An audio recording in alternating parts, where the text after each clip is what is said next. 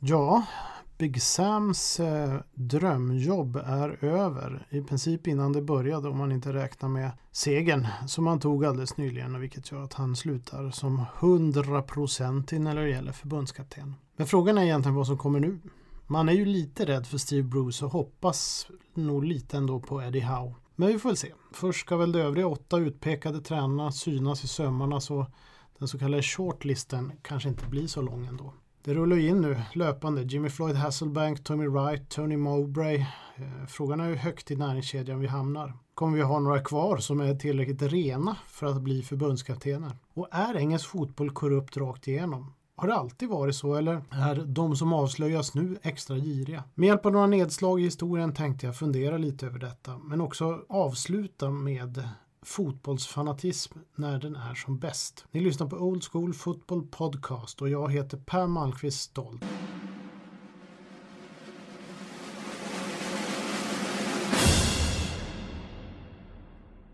Och eh, jag tycker vi tar en kaffe på det.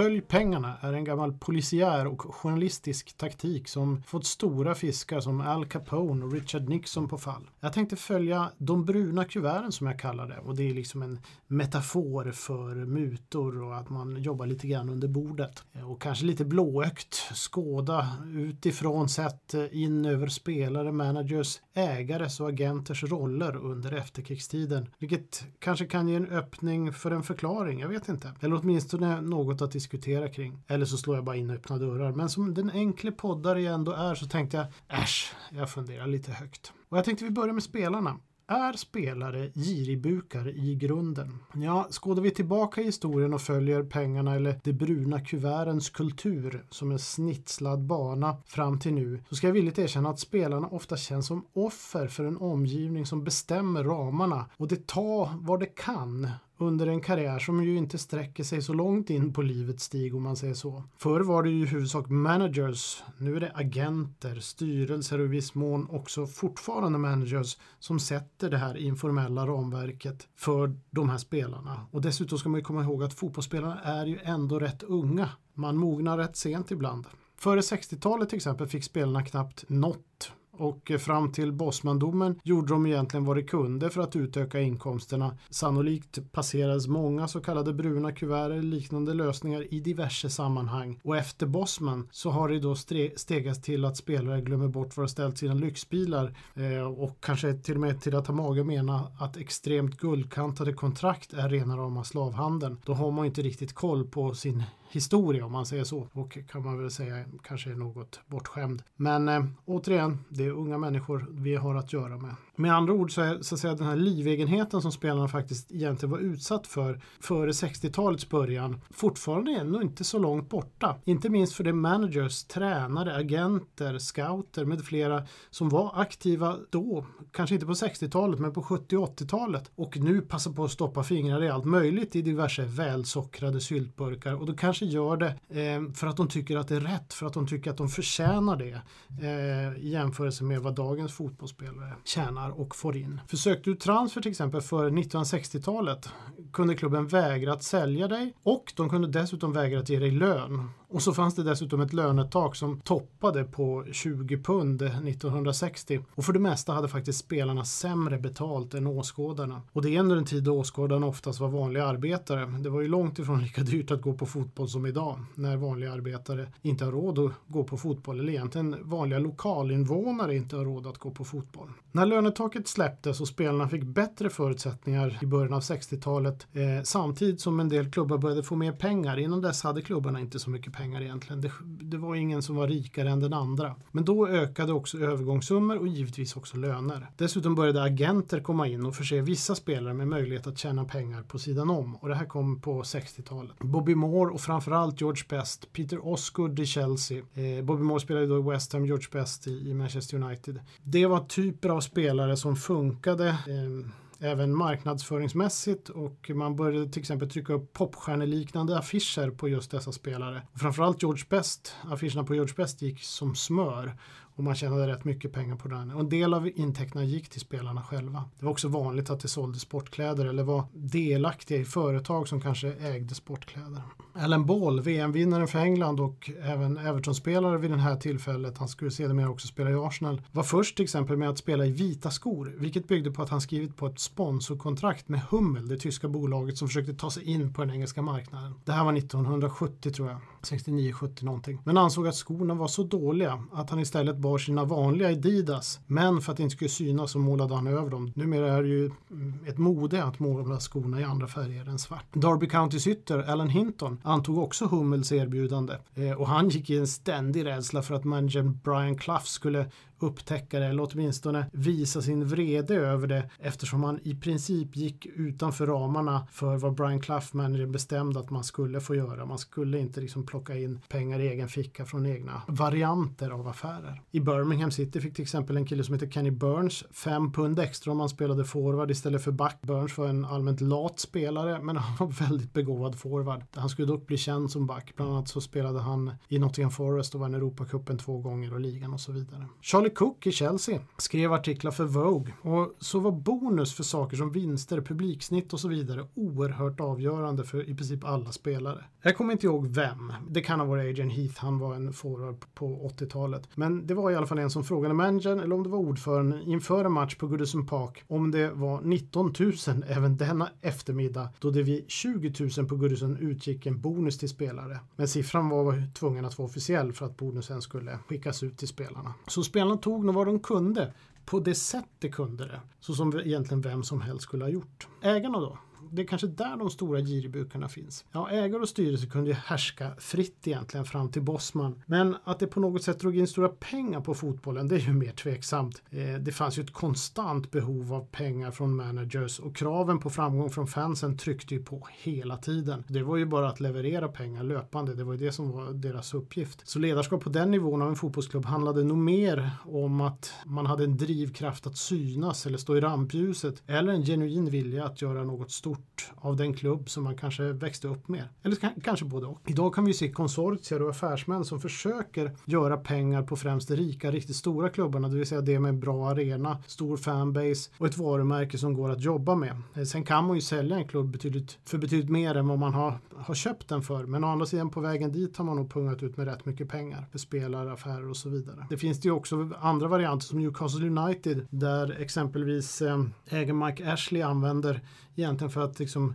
boosta sitt eget varumärke Sports Direct. Men för ägare och styrelse handlar det nog ändå mest om en hel del så kallade bruna kuvert och kreativt införskaffande av medel för övergångar och löner med mera. Och i alla delar försöker man ju få ut en hacka till sig själv. Det är det systemet bygger på lite grann. Att det gäller att skära i rätt läge för spelare, managers, agenter eh, och så vidare. Exempelvis managern som förhandlar fram en större summa till sina spelare bara för att han ska kunna ha en inte ett avtal utan en överenskommelse mer om att de betalar av en liten del av den här större summan till managern löpande i princip varje månad eller varje vecka. Win-win i deras värld, men enligt lagar och regler, nej.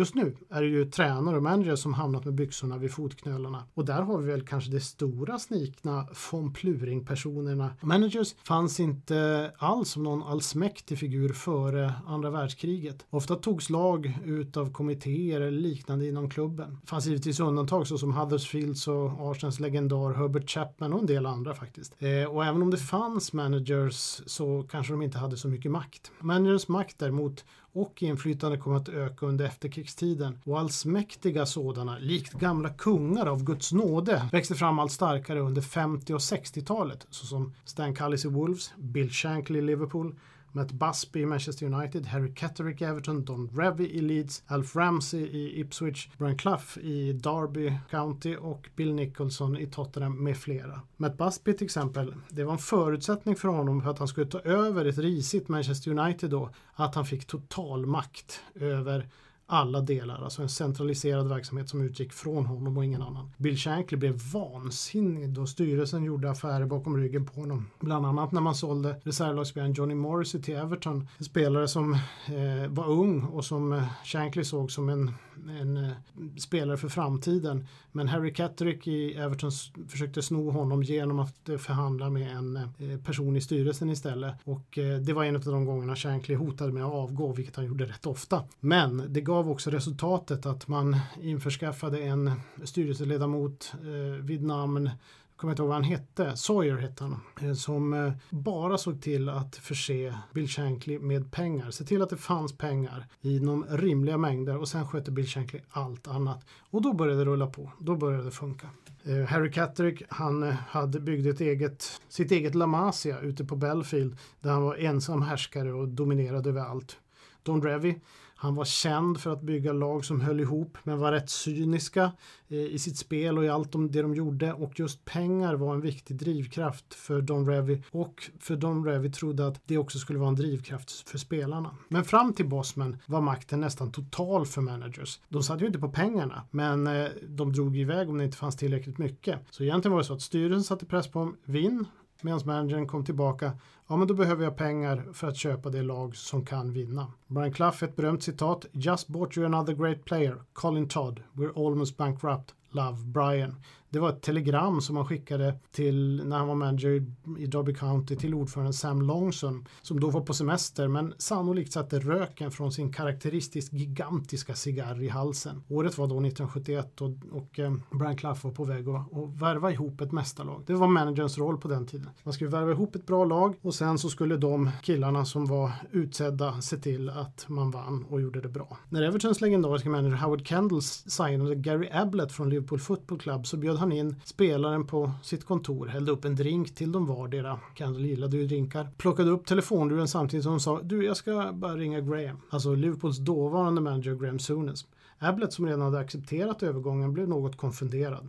Souness var ju dessutom en herre man inte skojade med för mycket. Graham, det är Howard. Jag pratade med Gary och han vill inte skriva på. Ablett frös. Han hade ju inte sagt något sånt. Kendall la ena handen över luren och flyttade samtidigt den delen av eh, telefonluren som man kunde höra saker ifrån från örat så Ablett kunde höra hur Sunes skrek. Kendall blinkade med ena ögat mot Ablett, väntade lite och så la han örat mot luren och så sa han Du ger honom inte tillräckligt för att lämna. Hur mycket vill han ha då? hördes genom luren. Och Kendall svarade Ytterligare 25 000 pund.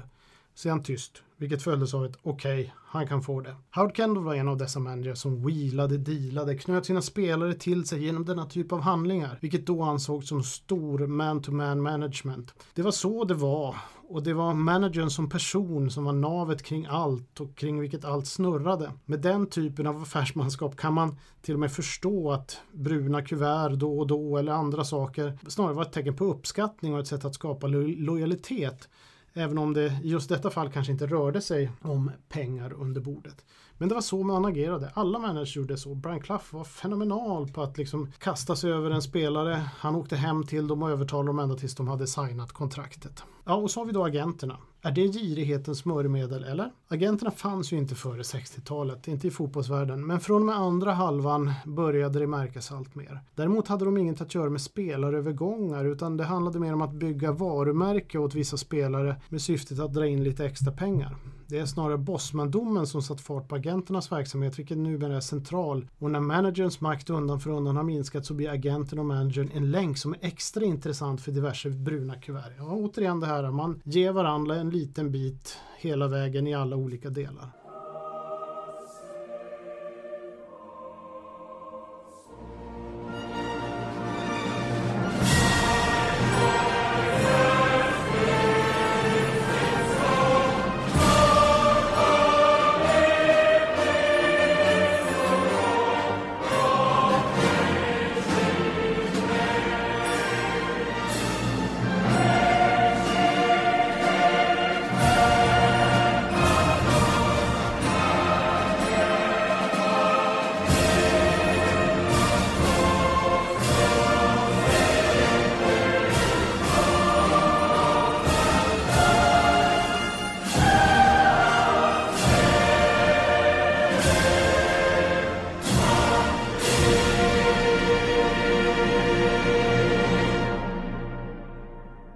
Och det är så det har sett ut. Det är så det ser ut och det är inte lätt att ändra på en så pass stark etablerad kultur. Och England är nog inget undantag. Så är det säkert även i Sverige där vi dock har en föreningstradition som kanske ger viss insyn och öppenhet. Men det ser ju ut så även här egentligen. Det vet ju de flesta som har hållit på med fotboll på någon nivå. Alltifrån Nacka Skoglund som mot alla regler förhandlade sig till en kappa, eh, en ny kappa till sin mamma utöver det kontrakt han hade fått till pengar som kreativt ska gå till en spelare utan att det dras för mycket skatt. Det här pågår ju hela tiden. Det är informella, osynliga och vissa personers nyckelpositioner avgör. Och det vet alla. Fotbollens styrka har ju varit dess individer, dess människor av kött och blod, vilket gör att vi kan finna idoler som sätts på piedestaler. Det är lite själva myten som skapas då och det är det som fansen lever för. Nackdelen är att dessa personer också blir naturliga gatekeepers i ett system där mutor med mera får möjlighet att fästa samt insyn alltid är svår att genomföra. Fullständig insyn och perfekt struktur kräver ju ett visst mått av omänsklighet, det vill säga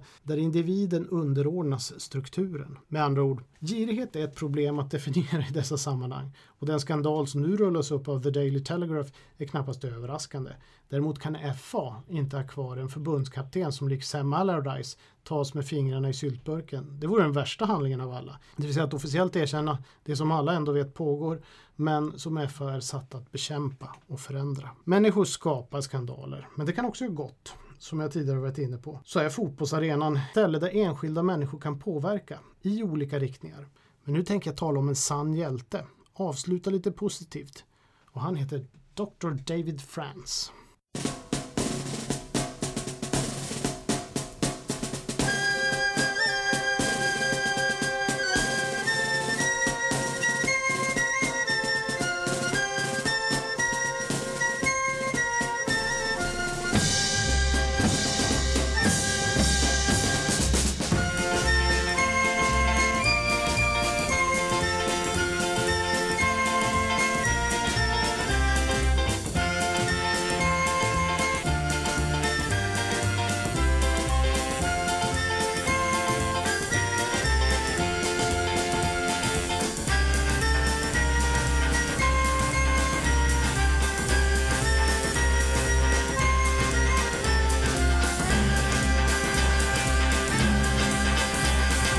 Arbetarsonen från Witness med inlärningssvårigheter trotsade oerhört låga förväntningar med att till slut nå en doktorstitel i kemi med karriär inom bland annat olje och gasindustrin i USA samt bli konsult åt NASA. Mottagare av det prestigefyllda fysikpriset The Joule Medal och med flera ledande befattningar valde han dock 1990, blott 42 år gammal, att pensionera sig för att helhjärtat ägna sig åt välgörande verksamhet och hans stora passion Ja, det var Everton Football Club. Dr. David France är en fanatisk supporter. Han reste över två miljoner engelska miles för att under sin tid i USA kunna följa klubben i sitt hjärta på Merseyside. En nästan bizarr bedrift och det handlar om en distans som motsvarar en resa till månen tur och retur fyra gånger. Engagemanget kan också beskrivas med hjälp av att France efter en hjärtinfarkt skrev ut sig själv från ett sjukhus i Reading för att hinna se Evertons storhet centertank Duncan Ferguson som var stor på 90-talet göra comeback efter att han några veckor tvingats vistas i fängelse i Skottland. Det var dessutom en mycket viktig match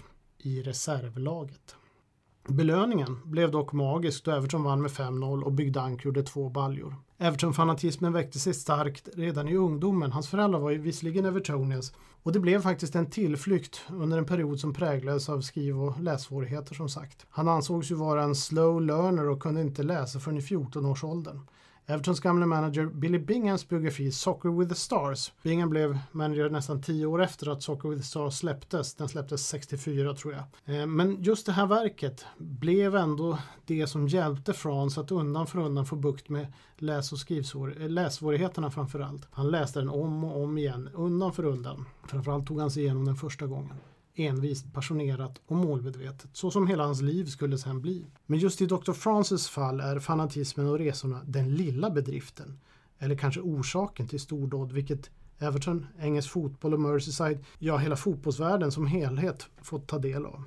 I slutet av 90-talet berättade Evertons gamle lagkapten från storhetstiden i slutet på 60-talet, Brian LeBone, på Merseyside, en gigant. Han berättade för Frans att den gamle lagkompisen och målvakten Gordon West hade hamnat i besvärligheter. Westy var en mycket omtyckt person och under sina 11 år som Everton-målvakt en av de allra bästa genom tiderna i The Toffees. Frans mötte dock en sorglig skepnad. Överviktig och utfattig så till den grad att han inte ens hade skosnören till skorna. West hade hamnat i händerna på lånehajar. Och nu kommer vi återigen det här med personligheter som kan göra skillnad inom fotbollen. Frans skred till verket och tog kontakt med lånehajarna, vilka enligt Frans själv såg ut som ett gäng från The Reservoir Dogs. Med ett flin kastade de upp en påse med Gordon West medaljer, vilka han hade lämnat som säkerhet och nu riskerade att tappa då han lånat 1000 pund, men skulden var uppe i 4500 pund. David Frans betalade och så var det första steget till Evertons Former Players Foundation taget. Det är ju endast under de senaste decennierna som fotbollsspelarna tjänar mer än människor med vettigt förstånd kan göra av med. Hjältarna innan dess tjänade inte alls lika mycket och även de som kanske tjänade förhållandevis mycket så går det inte ens att jämföra med det man tjänade idag. Och sen gick de ut i ett arbetsliv eller arbetslöshet utan några direkta kunskaper utanför fotbollen. Everton Former Players Foundation hjälper behövande för detta fotbollsspelare i Everton. Det räcker med en nollagsmatch och med stöd i vardagen såsom att hjälpa till med till exempel höftledsoperationer och annat. Även mindre insatser som att köpa en TV till gamla spelare vars marginaler är minst sagt knappa.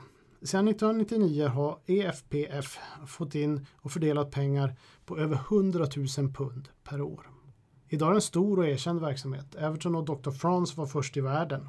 Klubbar som Barcelona, Real Madrid och Bayern München med flera har utvecklat egna organisationer efter inspiration av Everton och Dr. France. Och idag finns en gemensam sammanslutning i Europa i form av European Former Players Association. Under 20 års tid har Dr. France dessutom byggt upp en unik samling av fotbollsmemorabilia. Det kan låta inte sådär jättemärkvärdigt. Men den går under benämningen The Everton Collection och med unik så menas det den bästa i världen i sitt slag. År för år, vecka för vecka, sedan sent 1800-tal kan man via samlingen följa livet kring fotbollen och Merseyside. Man kan till exempel eh, se alla matchprogram som Everton och Liverpool hade gemensamt under flera decennier. Och framförallt finns där samtliga böcker med Evertons styrelseanteckningar från 1886 till 1964 där all verksamhet är nedtecknad i ett dokument som beskriver allt från löner, matcher, försäsongsverksamhet, transfers med mera. Bland annat när Everton var i Dresden 1932 och eh, lagkapten Dick Sedin förhindrade laget från att göra nazihälsningen. Oerhört värdefull dokumentation. Dr. Frans har dessutom haft turen med en fru vid namn Elisabeth som eh, alltid har förstått sig på honom och förstod vad som drev på den här maniska delen i hans liv som gjorde att han kanske fick vara sig själv och göra det han tyckte var eh, märkligt men roligt. Det krävs nog en stor eh, rejäl portion humor, nästan till gränslöst överseende. Men visst fick hon nog vid några tillfällen när hon i bilen från en fyndrunda eh, för hennes man plockade upp en Englandtröja vars nedre tredjedel hade bleknat på grund av regn under en match tydligen och färgen hade runnit ner och fastnat på de vita byxorna. Då blev hon lite konfunderad och under detta låg ett dussin inbundna böcker med anteckningar. Elisabeth frågade då nervöst hur mycket denna gång. David France lös upp. Det var riktiga fynd, endast 78 000. Glöm inte att vi talar om pund här. Och David France kan fortfarande höra Elizabeths skrik med påföljande budskap Stanna bilen och åk tillbaka med dem. Nu visar det sig vara ett en historisk skatt. Böckerna var dessa magiska anteckningar från 1886 och framåt men tröjan och byxorna gick inte heller av för Hacke då det burits av Englands och Evertons center Tommy Lawton i regnet under en landskamp. Lawton var superstjärna strax före andra världskriget. Och just det, han har också publicerat 16 böcker om Everton och i dagarna jobbar han med släppet av den 17, hans egen biografi. Everton Crazy. Han har hunnit med fler bedrifter. Det har han massor med saker som han har gjort. Men The Everton Collection och Everton Former Players Association är gärningar som ger bestående avtryck i fotbollshistorien. Kanske inte lika omskrivna som mycket annat, men väl så viktiga. Nu väntar en helg med härlig fotboll, men också dramatik i form av hur det ska gå med alla skandaler och vem som till slut blir Big Sams ersättare. Men mer om detta i systerpodden med nutidsfotboll, The Editors. Fram till dess, Old School Fotboll i väntan på lördag. Skål på er!